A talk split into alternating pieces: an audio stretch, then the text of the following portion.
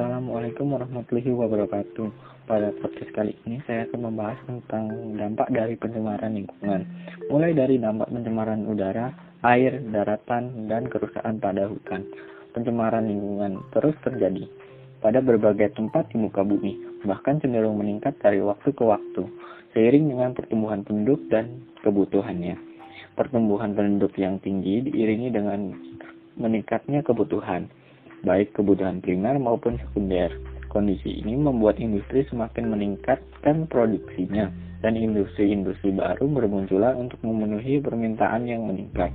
Karena itulah pencemaran juga cenderung terus meningkat dari waktu ke waktu. Pencemaran yang semakin meningkat tersebut berdampak tidak hanya bagi lingkungan, tetapi juga bagi tumbuhan, hewan, dan tentu saja manusia. Yang pertama, dampak dari pencemaran udara. Pencemaran udara adalah masuknya atau dimasukkannya bahan-bahan yang atau zat asing ke udara yang menyebabkan perubahan susunan atau komposisi udara dari keadaan normalnya. Zat-zat asing tersebut mengubah komposisi udara dari keadaan normalnya dan berlangsung lama akan mengganggu kehidupan manusia dan makhluk hidup lainnya. Pencemaran udara memiliki dampak buruk bagi kesehatan manusia dan lingkungan, yakni seperti tumbuhan, hewan, dan bangunan. Dampak tersebut tidak hanya menimbulkan gangguan kesehatan bagi manusia, tetapi juga bisa menimbulkan kematian dalam jumlah yang besar. Adanya bahan-bahan tertentu di udara akibat pencemaran udara menjadi penyebab kematian banyak orang, khususnya di perkotaan berat dengannya dampak yang ditimbulkan akan sangat bergantung pada konsentrasi dan lamanya seorang menghirup udara yang telah tercemar. Bahan-bahan pencemar berbahaya tersebut beserta dampak terhadap kesehatan. Pencemaran udara juga berdampak pada tumbuhan dan hewan. Tumbuhan yang terkena pencemaran udara akan mengalami gejala bintik-bintik pada daunnya, kerusakan pada jaringan daun, mengganggu fotosintesis, warna daun pucat, daun berguguran, dan lain-lain.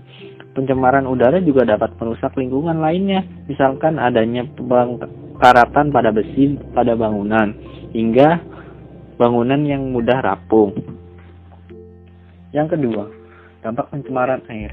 Pencemaran air adalah pencemaran tubuh-tubuh air seperti danau, sungai, laut, dan air tanah yang disebabkan oleh kegiatan manusia yang dapat membahayakan organisme dan tumbuh-tumbuhan pada tubuh-tubuh air tersebut. Selain udara, air juga merupakan kebutuhan sehari-hari yang dikonsumsi manusia dan makhluk lainnya. Jika air tercemar, maka air tidak dapat digunakan lagi oleh makhluk hidup, baik untuk keperluan rumah tangga, industri, maupun pertanian.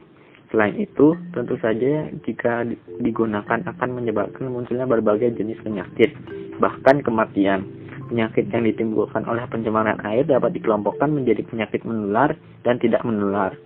Penyakit menular di antaranya adalah hepatitis A, kolera, tipes, trakoma, dan lain-lain. Sementara itu, penyakit yang tidak menular yang ditimbulkan oleh air di antaranya adalah keracunan kobalt, keracunan air raksa, keracunan insektisida. Yang ketiga, pencemaran daratan. Pencemaran daratan terjadi jika ada bahan-bahan asing baik anorganik maupun organik yang menyebabkan daratan rusak. Akibatnya daratan tidak dapat memberikan daya dukung bagi kehidupan manusia. Pencemaran daratan umumnya adalah berupa limbah padat baik itu organik maupun anorganik Dampak dari pencemaran tersebut dapat dibedakan menjadi dampak langsung dan dampak tidak langsung. Dampak langsung pencemaran dari daratan adalah adanya bau yang tidak sedap dari sampah organik karena adanya proses penguraian oleh mikroorganisme. Selain itu, secara langsung dampak pencemaran daratan adalah pemandangan yang kotor, kumuh akibat tumpukan sampah dalam jumlah yang besar. Dampak tidak langsung pencemaran daratan adalah munculnya berbagai penyakit akibat memanfaatkan timbunan sampah oleh mikroorganisme pembawa penyakit seperti tikus, lalat, nyamuk, dan lain-lain. Binatang-binatang tersebut mem memanfaatkan sampah sebagai sumber makanan dan tempat berkembang biak. Penyakit yang ditimbulkan oleh binatang-binatang tersebut di antaranya adalah penyakit pes, kaki gajah, malaria, dan demam berdarah. Yang keempat, kerusakan hutan. Indonesia merupakan salah satu negara di dunia yang memiliki hutan hujan tropis yang sangat luas, di samping Brazil di Amerika Selatan dan Kongo di Afrika. Selain hutan hujan yang luas, makhluk hidup yang ada di dalamnya, baik hewan maupun tumbuhan, juga sangat beragam.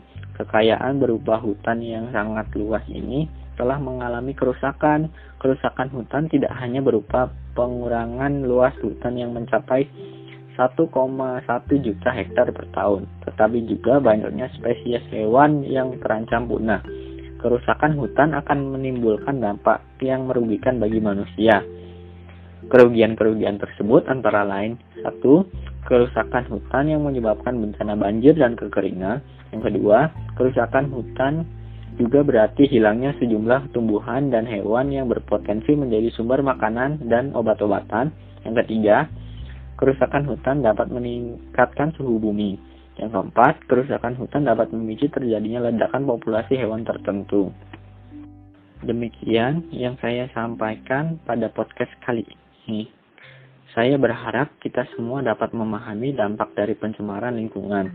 Semua itu menjadi bukti bahwa kita semua harus menjaga bumi dengan contoh kecil yakni membuang sampah pada tempatnya. Sampai jumpa pada podcast selanjutnya. Wassalamualaikum warahmatullahi wabarakatuh.